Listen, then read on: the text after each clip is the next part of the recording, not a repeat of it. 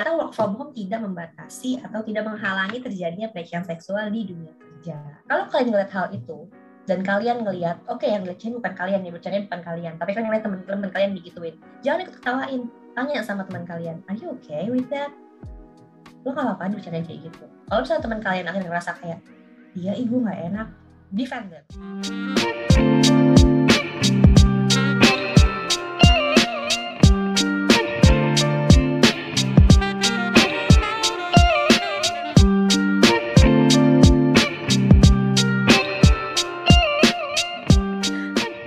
Fempres, selamat datang di Vampire Podcast. Perkenalkan, aku Audrey. Dan aku Fania. Kami akan menjadi host untuk episode kali ini, Combat Sexual Harassment. Wah, ini topiknya berat banget ya, Dri ya. Nah, hari ini kita nggak akan berdua aja nih, karena kita akan menghadirkan tamu yang spesial banget. Nah, hari ini ada Kak Viana Duyanti dari Never Okay Project. Halo Kak Viana. Halo, Halo Kak. Halo Fania, halo Audrey. Audrey kan ya?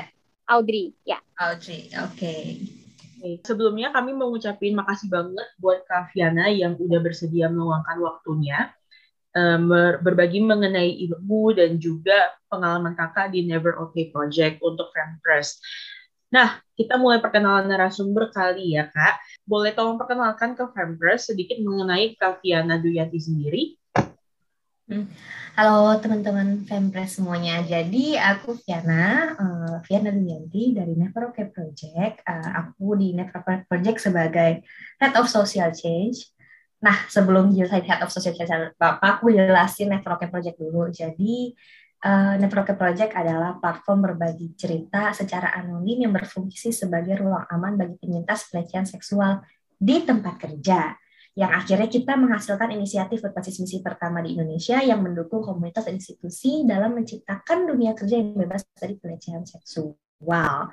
Itu teman-teman. Nah, di sini aku tugasnya ini untuk ke edukasi, spreading awareness, raising awareness, terus juga untuk uh, training-training ke beberapa institusi yang membutuhkan bantuan untuk penyuluhan atau sosialisasi mengenai pelecehan seksual di dunia kerja. Jadi aku yang uh, se um, sebagai orang yang apa ya menyusup ke kantor-kantor untuk ngasih sosialisasi seperti itu. Dan juga kayak ngasih training online kayak gitu. Karena di Nevercare Project kita ya uh, seperti organisasi pada umumnya kayak kita terbagi-bagi dari beberapa divisi. Ada yang anak-anak konten ada anak sosmed ada anak-anak riset kayak gitu. Dan aku di bagian training dan sosialisasi.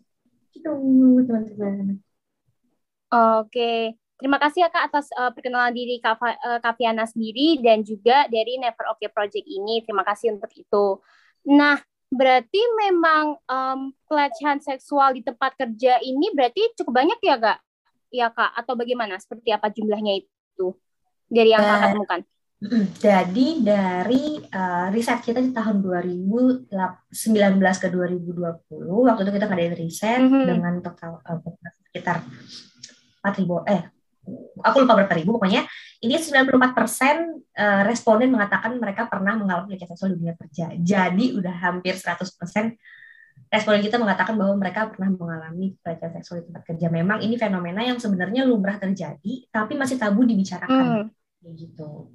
Ya kalian ngerti lah ya karena ini berhubungan sama tempat kerja berhubungan sama tempat kalian mencari nafkah tempat kalian ibaratnya dari satu hari 8 jam di situ kayak gitu gitu. Dan setelah work from home ternyata yang kita pikir oh bakalan turun kali ya angkanya kayak bakalan nggak ada kali ya paling di bawah 20 persen ternyata work from home tidak membatasi atau tidak menghalangi terjadinya pelecehan seksual di dunia kerja kayak gitu guys. Um, kita jadi ada nih kak pemahaman mengenai pelecehan seksual sendiri. Fania mungkin mau berbagi pengertian itu? Oke, okay. um, ini dari Judith Berman dari Advisory Committee Yale College Grievance Board and New York University mengatakan bahwa sexual harassment dalam bahasa Inggrisnya kalau bahasa Indonesia-nya pelecehan seksual adalah tingkah laku seksual atau kecenderungan untuk bertingkah laku seksual yang tidak diinginkan oleh seseorang baik verbal atau fisik yang menurut si penerima tingkah laku sebagai merendahkan martabat, penghinaan, intimidasi, atau paksaan. Nah, Kak, kalau dari pengalaman Kakak yang sudah lama berkecimpung di ranah seksual harassment, ada nggak sih Kak konsep pelecehan seksual yang bisa dipahami bersama Karena terkadang ada kasus di mana A merasa dilecehkan nih, tetapi B uh, mengatakan dia hanya maksudnya bercanda begitu. Uh, aku mau jelasin sedikit dulu di sini mengenai pelecehan seksual secara umum. Pelecehan seksual konsepnya adalah suatu tindakan seksual yang tidak diinginkan yang terjadi terhadap seseorang. Nah, kalau misalnya pelecehan seksual di dunia kerja, hampir sama, bedanya terjadi di dunia kerja dan terjadi berulang-ulang seperti itu. Nah, kalau misalnya kita lihat dari konsepnya sendiri pelecehan seksual, sebenarnya ini terjadi bukan semata-mata karena adanya nafsu atau las. More uh, lebih kayak uh, adanya power play atau puasa di situ. Kebanyakan orang-orang yang melecehkan secara seksual, mereka tuh nggak nafsu-nafsu amat pada korbannya. Mereka cuma pengen iseng, mereka cuma menunjukkan bahwa power. Kayak kalau mau ngelakuin ini, si korban nggak bisa apa-apa, si korban takut, si korban lari kayak gitu. Nah, masalah subjektivitas memang justru pelecehan seksual itu diukur bukan dari si intensi pelakunya, tapi lebih dari apa yang dirasakan oleh penerimanya.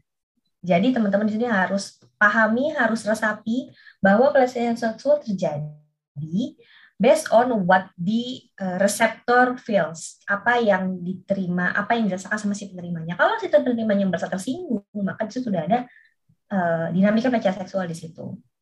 Tapi balik lagi, itu kan lebih ke hubungan interpersonal. Kalau misalnya udah dibawa ke kantor, udah dibawa ke uh, laporan ke HR atau segala macam itu nanti bisa diatur lagi uh, gimana penyelesaiannya oleh atau task force yang ada di kantor masing-masing seperti itu. Tapi intinya kalau misalnya udah uh, masuk ke penerimanya dan dirty jokes itu nggak usah diterima sama si penerimanya, ya itu udah namanya pelecehan seksual. Balik lagi, it's, it's still a joke. Tapi kalau misalnya si penerimanya nggak uh, bisa tahu apa sih artinya atau tuh nggak bisa menerima gimana kenapa sih gue apa jokes kayak gini ya itu bisa diomongin lagi but still pelecehan seksual terjadi uh, based on apa yang dirasakan si reseptor kayak gitu. Kalau bilang subjektif dong well that's the truth kayak gitu. You can do uh, like everything you want at some people kayak lo nggak bisa bertingkah laku mena-mena ke orang lain kayak this is basic knowledge this is basic logic gitu loh kayak ini yang bikin lo nggak bisa bertindak kayak apa yang lo mau ke orang lain kan orang lain punya batas toleransi masing-masing punya uh, batas sendiri-sendiri kayak sampai mana sih toleransi gue sama dirty jokes sama jokes-jokes seksual yang ada di kantor kayak gitu. That's why uh, sebenarnya lebih gampang mendeteksi atau mengidentifikasi pelecehan seksual di kantor ketimbang di tempat umum atau lagi di circle inner circle kayak itu masing-masing interpersonal uh, dinamika tuh udah beda-beda banget. Kalau misalnya si A yang reseptor yang ngerasa dilecehkan, we have to trust A instead of defend B itu yang aku bilang dalam kasus pelecehan seksual kita harus lebih mendengarkan dari pihak si korban ketimbang pembelaan si pelakunya. Kalau misalnya kalian pernah dengar asas praduga tak bersalah kayak uh, they innocent until proven guilty right? Itu tidak berlaku pada kasus pelecehan seksual atau sexual assault. Dalam kasus pelecehan seksual sexual assault uh, kacamata yang kita gunakan adalah kacamata feminisme nah nggak perlu radikal but it's still feminism dan kita harus percaya pada korban dulu. Karena hmm. jenis kejahatan ini sulit dibuktikan dan sulit mendapatkan kesaksian. Oleh karena itu kita harus lebih memihak ke korban. Ya walaupun terlihat kayak sepele permasalahan dirty jokes atau kayak jokes-jokes yang ibaratnya nggak harm nggak harm harmless gitu. Kalian tahu jokes yang nanti nangis tahu nggak kata suka kayak orang-orang ngomong kalau lagi bercanda antara cowok sama cewek terus tiba-tiba cewek ngomong sesuatu dan cowok-cowok tiba ngomong nanti nangis kayak gitu. That's a right hmm, joke. hmm. itu joke perkosaan dan kalau ada seseorang yang ngerasa nggak nyaman dengan hal itu that's a sexual harassment. Kayak gitu.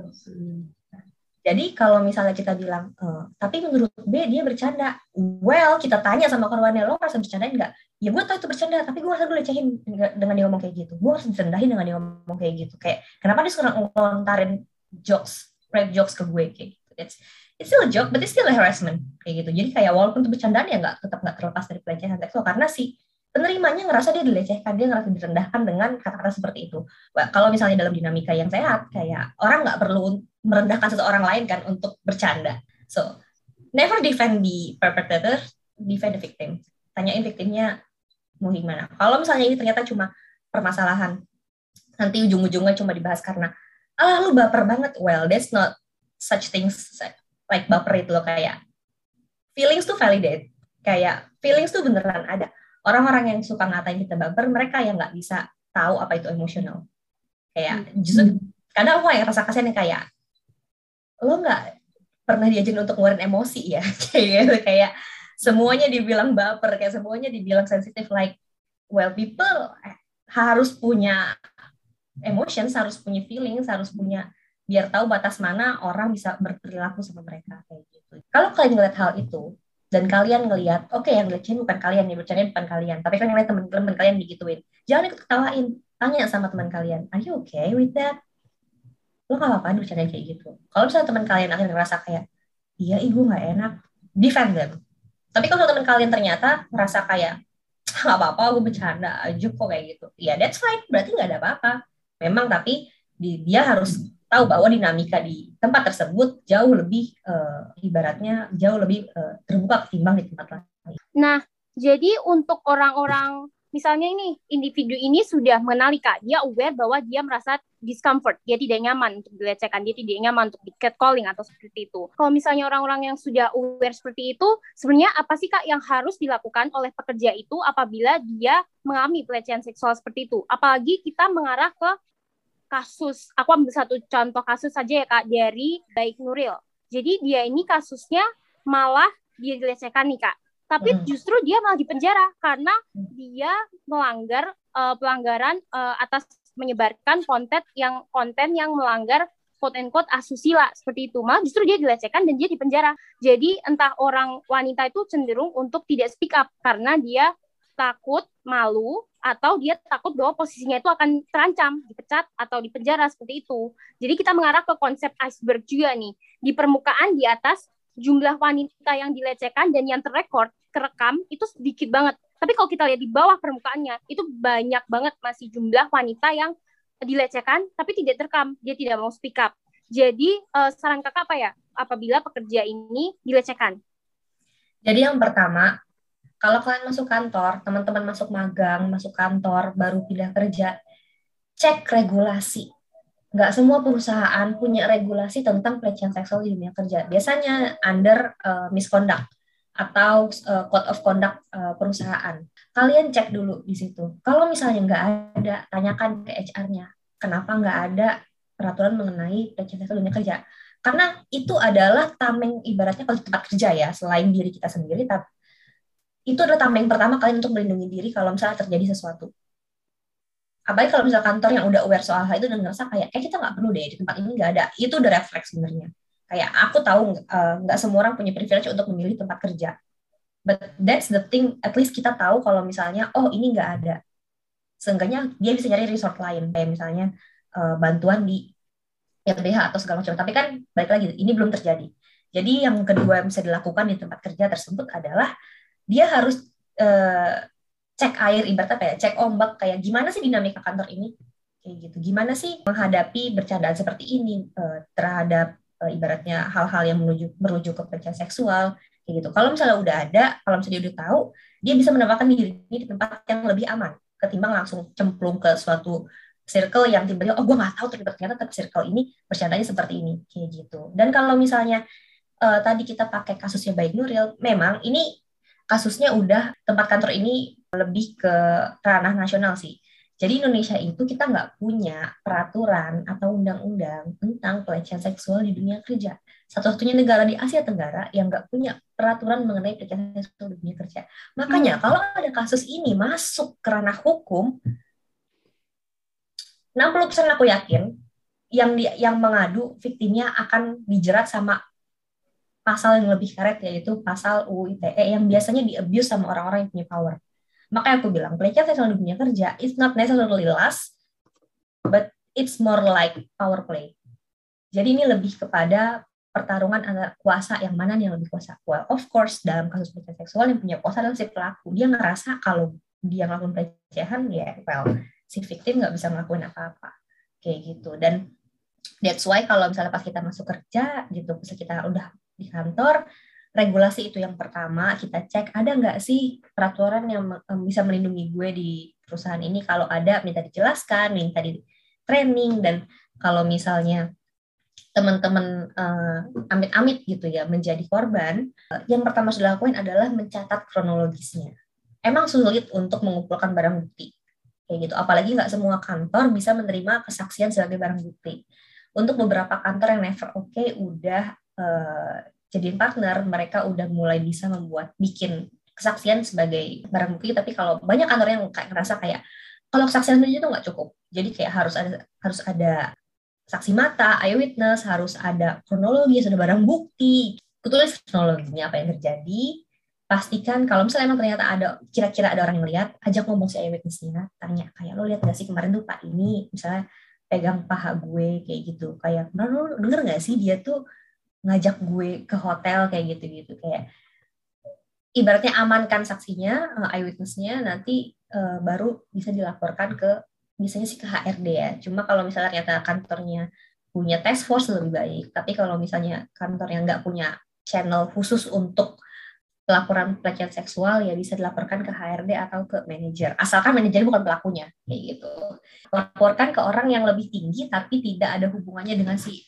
uh, pelaku. Jangan ke temannya pelaku. Kayak iya manajer kamu tinggi tapi ternyata kayak manajernya sobi banget nih sama si pelaku. Jangan. Jadi kita harus tahu mana orang yang tepat untuk kita ajak bicara.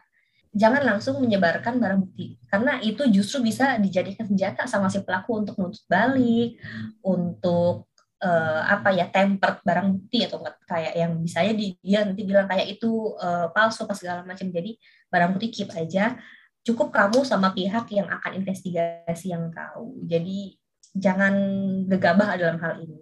Karena nggak cuma kasus sebaik Nuril ada lagi kasus uh, RA pelecehan seksual di BPJS tenaga kerjaan itu juga sama sifatnya kayak gitu. Kayak dia ngelapor dia bahkan itu udah sexual assault ya. Dia ngelapor dia menjadi korbannya tapi ujung-ujungnya malah dia yang dilaporkan kembali atas uh, undang-undang ITE dan segala macam. Dan ujung-ujungnya dia harus mengalami yang tadinya udah jadi victim nih udah jadi victim dengan uh, mengorbankan uh, kesehatan mental segala macam uh, kerugian fisik juga segala macam dia akhirnya jadi victim lagi atas criminal justice yang jatuhnya ujung-ujung dia harus kayak stres dan harus berobat ke psikolog karena dia diperiksa berjam-jam berulang-ulang harus menceritakan kronologi berulang-ulang. Itu sesuatu hal yang sangat tidak baik untuk dialami oleh si korban kayak gitu menceritakan kembali itu seperti reliving di fenomena kayak gitu Fania.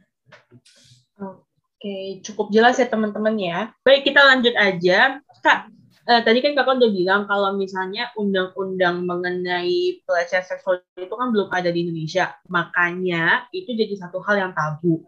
Nah, eh, dialog yang terjadi di masyarakat akan kasus pelecehan seksual masih belum terjadi secara merata di berbagai kalangan, ya kan? Nah, hmm. banyak banget yang akhirnya nggak tahu harus berbuat apa ketika orang di sekitar kita mengalami pelecehan seksual berdasarkan observasi kakak, bagaimana sih peran kita sebagai keluarga, kolega, dan juga teman yang terkena sexual harassment?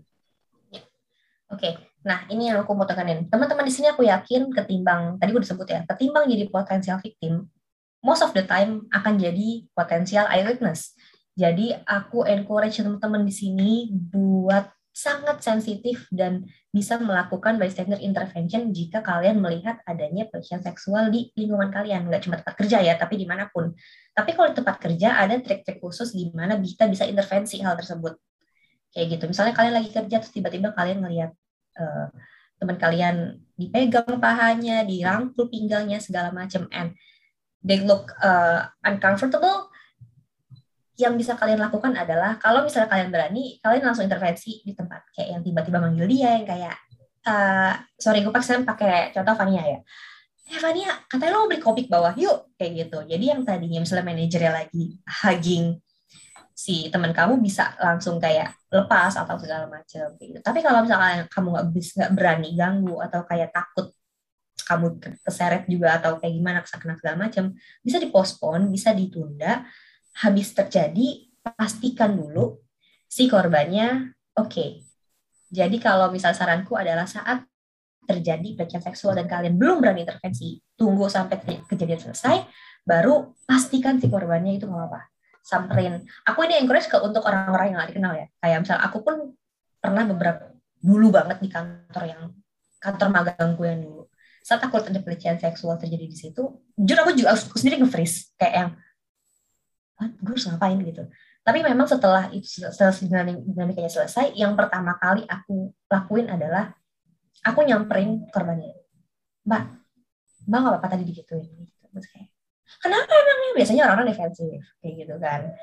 Memang itu sih kadang yang sedihnya adalah saat kamu jadi korban pelecehan seksual sometimes you don't realize that. Kayak nggak ngerti nggak sadar kalau itu tuh ternyata kamu lagi kejadian. Kita berusaha kasih pengertian kayak makanya tadi Pak ini punya intensi seksual ke Mbak deh kayak gitu. Kayak Mbak nggak apa-apa gitu kayak kalian ajak ngobrol aja secara santai kayak kalau misalnya nggak apa-apa aku mah biasa aja kayak nggak nggak nggak mau saya bikin pusing. Oh ya udah that's fine kalau itu nggak apa-apa. Tapi biasanya karena dia kita udah kasih tahu dia akan mikir mikir mikir tiga hari kemudian kayak baru ngomong kita kayak ah, aku nggak suka dia digituin ternyata. Dan itu itu common thing ya di dunia di dinamika antara bystander sama victim. Apalagi bystandernya memiliki pengetahuan yang lebih tahu tentang dari victimnya kayak gitu. Jadi emang bystander punya kayak kewajiban untuk memberitahukan mana yang bisa masuk ranah pelecehan seksual mana yang tidak kayak gitu. Nah nanti kalau misalnya kita udah ngecek si victim ternyata ngerasa iya nih gue diginiin kayak gitu. Kita tanyakan apa yang mau dia lakukan untuk uh, ibaratnya keluar dari situasi ini. Kalau misalnya dia bilang nggak apa-apa deh kayaknya aku tahan aja well kita harus hormati kemauannya dia. Asalkan kita yakin bahwa dia nggak apa-apa gitu kayak dia bisa masih bertahan. Misalnya anggaplah pelecehan seksual yang sifatnya ringan kayak misalnya eh, catcalling kayak gitu uh, ataupun kayak yang cuma colek-colek kayak colek pundak ya bukan colek yang macam-macam gitu. Jadi kayak itu mungkin bisa ditahan. Tapi kalau tadi bilang kayak kayak gue nggak tahan deh kayak diginin terus tiap hari sama pak ini kayak gimana ya caranya? Kita bisa bantu cari jalan keluar dengan cara memberikan channel atau pilihan yang ada gitu. Tapi yang memutuskan, yang berhak memutuskan dia mau ngapain, tetap si korbannya. Kita hanya membantu memberikan pilihan kayak gini loh, di perusahaan kita ada regulasinya. Kita bisa, misalnya kita bisa uh, lapor ke HRD. Tapi nanti mungkin kamu akan diwawancara, diinvestigasi, gitu. Mungkin akan nyita waktu kerja apa segala macam. Jadi kita kasih pilihan-pilihan yang kita tahu, gitu. Dia punya. Nanti yang memutuskan tetap harus si korbannya. Kita harus menghormati kemauan korban. Nah, kita sebagai teman atau support system sebagai keluarga, tugas kita hanyalah memberikan pilihan dan mendukung semua pilihan dan tindakan yang dianggap baik buat dia. Gitu. Karena yang tahu itu dia, tapi jangan lupa kita tetap terlibat. Kita memberikan pilihan. Kita kasih tahu nih, ini loh pilihannya, resikonya ini, pros consnya ini. Semuanya tapi kembali lagi ke si korban gitu. Jadi dukungan dan kepercayaan itu harus penting banget buat kita teman-teman yang nanti jadi bystander kayak gitu kayak validasi dulu perasaan mereka. Kita bilang we believe you. Kita percaya kok sama lo itu terjadi kok beneran gitu. Oh lo ngerasa kayak gitu? Oh okay. tunjukkan empati kita. Tunjukkan bahwa kita support mereka. Tunjukkan bahwa you're not alone in this. Kayak kita bisa bantu. Kayak gitu. Kita bisa yuk sama-sama misalnya lapor kayak gitu. biasanya bahkan ada yang kayak nggak usah lapor deh kita langsung ngobrol-ngobrol aja ke pelakunya kayak gitu. Anggaplah pelakunya uh, di teman kantor yang setara. Jadi ibaratnya ngobrol langsung bukan hal yang aneh. Ya kita temenin dia ngobrol sama si pelakunya kayak yang seenggaknya kita kasih moral support kayak gitu. Tapi balik lagi semua dilakukan dengan melihat keamanan dari si korbannya itu. Jangan melakukan hal yang gegabah karena balik lagi di tempat kerja it's not about like our comfortable. Kayak tapi lebih kayak kita cari kerja di situ kita cari nafkah di situ. Jadi banyak yang dipertimbangkan. Kayak gitu sifatnya um, jadi uh, seperti sebelumnya yang tadi Kak Fiana sempat uh, mention berarti kita memang yang penting kita harus ada ya untuk korban pelecehan seksual itu kita mendengarkan apa yang mereka mau sebelum kita bertindak sesuai diri sesuai yang menurut kita benar berarti betul gitu ya Kak kita mendengarkan mereka dulu, mereka mau apa, kita memberikan pilihan, kemudian baru kita bertindak karena uh, automatically pada akhirnya pilihan itu ada di uh, korban pelecehan seksual tersebut ya kak. Betul. Oke, okay.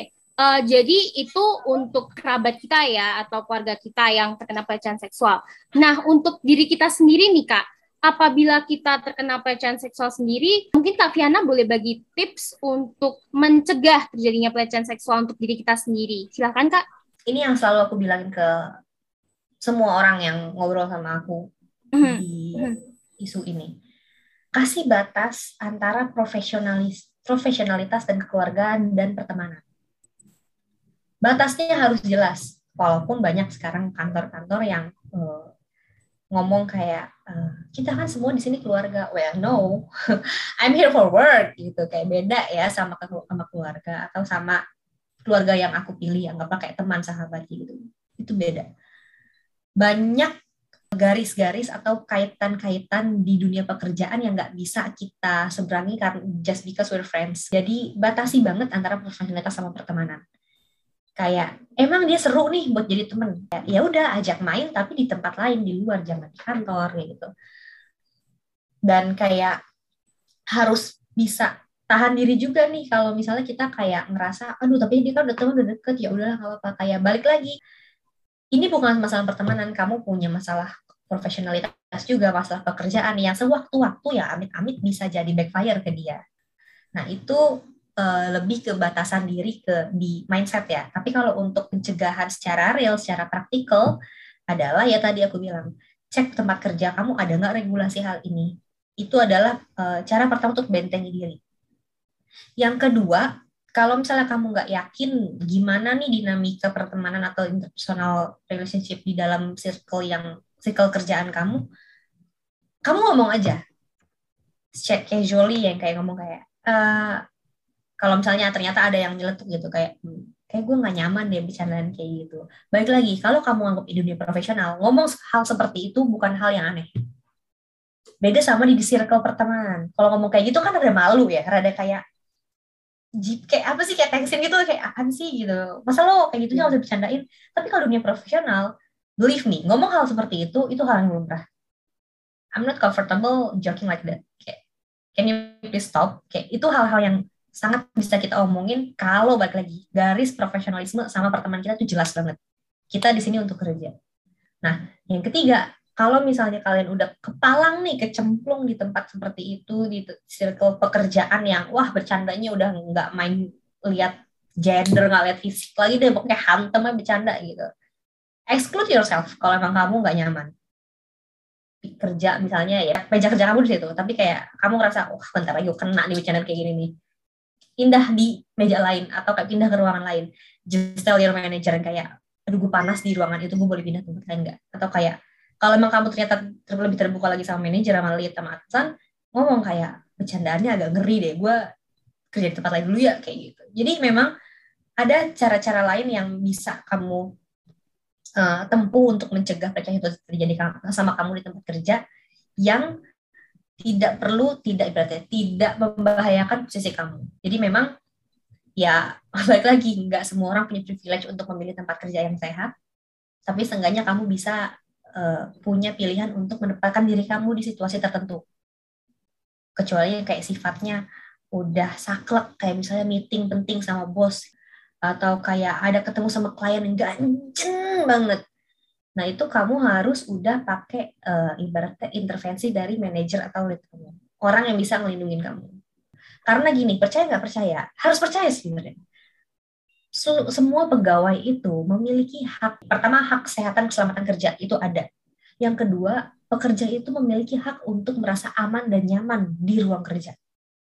Saat manajer kamu, lead kamu, nge-hire kamu, dia tuh udah sign itu jadi kamu berhak, teman-teman tuh berhak, vendors tuh berhak minta hak itu kepada manajer.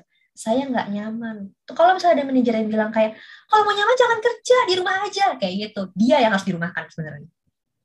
Cari orang lain di kantor yang bisa ngedukung kamu soal hal-hal tersebut.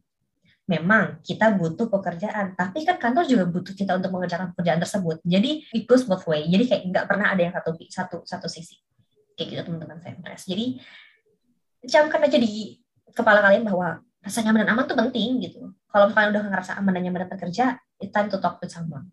Oke, dicatat ya teman-teman ya, diingat-ingat bahwa itulah yang harus teman-teman lakukan. Nah, Kak, balik lagi nih, kalau misalnya uh, upaya pencegahan itu kan selain dari diri sendiri, dibutuhkan juga komitmen dari perusahaan. Tapi hmm. kalau perusahaan tidak berperan sebagaimana mestinya karena satu dan lain hal, apa yang bisa kita lakukan? Boleh kakak sharing supaya Fempress berani untuk bertindak? Ya, uh, jadi ini sedih sih.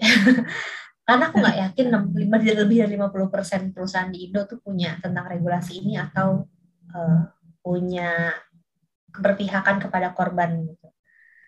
Mostly berpihaknya kepada company kayak gitu. Baik kalau misalnya ngelakuin pelecehan tuh high level, yang bisa teman-teman lakukan adalah satu, misalnya udah terjadi pelecehan seksual yang udah ketinggal seksual, seksual assault gitu, yang kalian harus laporkan banget nih. Pertama laporin dulu ke Komnas Perempuan untuk pendataan. Karena kita juga butuh data dari situ. Di Komnas Perempuan udah kalian daftar ke situ, ada hotline-nya bisa dibuka website komnasperempuan.org. Nanti kalau misalnya kalian butuh bantuan hukum, teman-teman di, di kota-kota tempat kalian tinggal itu pasti ada lembaga bantuan hukum kota masing-masing. Kayak di Jakarta ada LBH Jakarta, kayak gitu. Kalau di, apalagi kalau di Jakarta ya LBH Jakarta sama di LBHM, LBH Masyarakat. Di Medan ada lembaga bantuan hukum Medan, di Surabaya ada lembaga bantuan hukum uh, Surabaya dan juga di Bali juga ada kayak gitu. Masing-masing tempat ada lembaga bantuan hukum. Kalian bisa reach out ke situ memang tapi kapasitas masing-masing lembaga bantuan hukum itu terbatas, jadi mungkin akan agak lama di prosesnya ataupun agak makan waktu. Nah, buat teman-teman yang mau bersabar terhadap bantuan hukum tersebut, tetap konsistensikan, eh, tadi aku bilang kronologisnya dicatat, jadi kayak saat udah mulai diproses, kalian nggak lupa apa sih yang terjadi, detail seperti apa, kayak gitu. Nah, jadi buat ya teman-teman yang nggak punya, yang kantor tidak memfasilitasi hal tersebut bisa minta bantuan hukum. Tapi kalau misalnya memang kasusnya ternyata kayak bisa ditangani dengan fight or flight, maksudnya lawan atau kabur gitu, lawan atau pergi ya. Menurutku kalau misalnya udah membahayakan uh, fisik dan mental teman-teman di kantor, resign aja. Emang sulit cari kerja di, di zaman sekarang, tapi kembali lagi kayak menurutku ya nggak ada pekerjaan yang harus dibayar dengan fisik dan mental yang hancur. Selalu ada kesempatan untuk bekerja ya, walaupun nggak di kantor mungkin buka, buka usaha uh, sebentar atau jadi dropshipper hal-hal yang emang bisa dilakuin tanpa tanpa modal atau bekerja dengan orang lain karena nggak ada yang worth it sih kerjaan yang harus dibayar pakai physical dan mental yang hancur gitu. Ya, jadi memang untuk uh, pekerjaan sendiri seperti yang tadi Kak Fiana bilang tidak ada yang worth mental dan fisik ya Kak. Karena kan mm -hmm. you could always find another job gitu. Tapi kayak our mentality and our health itu agak susah ya kak masalahnya untuk diperbaiki untuk itu dan Betul. seperti yang tadi Kak Fiana tadi sebutkan ada banyak uh, platform untuk supaya kita bisa reach apabila kita menghadapi dengan pelecehan seksual. Nah sayangnya kita sudah ada di penghujung acara. Sebelum kita pergi mungkin Kak Fiana ada ingin berbagi tips kepada Fempres mengenai topik ini. Silakan Kak. Oke, jadi aku kasih uh, tiga kata-kata eh tadi terakhir ya kata-kata yang uh, buat teman-teman Uh, jadi tadi yang pertama adalah buat teman-teman yang menjadi korban, jangan pernah takut, jangan pernah sedih, dan harus percaya bahwa uh, perasaan kalian valid kalau misalnya kalian itu menjadi korban dan uh, kalian nggak sendirian. Jadi berusaha cari uh, support system yang baik dan speak up uh, masalah ini kayak gitu. Nah, buat eyewitness, buat teman-teman bystander, uh, jika kalian melihat hal seperti ini, tolong dukung para korban dengan cara tanyakan keadaan korban kayak gimana dukung putusan yang korban ambil dan juga berikan pilihan-pilihan yang korban bisa ambil untuk menangani uh, fenomena yang terjadi pada korban.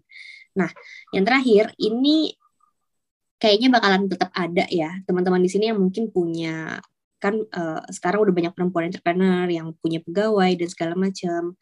Tolong perhatikan kesejahteraan dari para pegawainya kayak gitu aku tahu mungkin masih usaha kecil-kecilan pegawainya cuma 3, 4 atau uh, startup yang isinya cuma dua under 20 but it's still a human. Jadi tolong diperhatikan uh, dinamika pegawainya, dinamika gimana uh, circle kantornya itu berjalan seperti itu. Dan juga yang pastinya buat regulasi mengenai pelecehan seksual di dunia kerja untuk melindungi para pegawai teman-teman yang di sini punya udah punya pegawai. Kayak gitu Audrey itu sih. Hmm, terima kasih banyak atas tipsnya ya Kak. Fania, hmm. uh, ada yang ingin ditambahkan atau opini? Aku sih nggak ada karena udah cukup lengkap banget dan belajar banyak banget hari ini, jujur aja. Um, terima kasih banyak ya Kak Fiana sekali lagi telah bergabung bersama kami untuk ngobrol bersama Fempres juga, udah berbagi ilmu, udah berbagi platform-platform seperti tadi, pasti sangat helpful ya untuk para para Fempres ini. Terima kasih banyak Kak Fiana.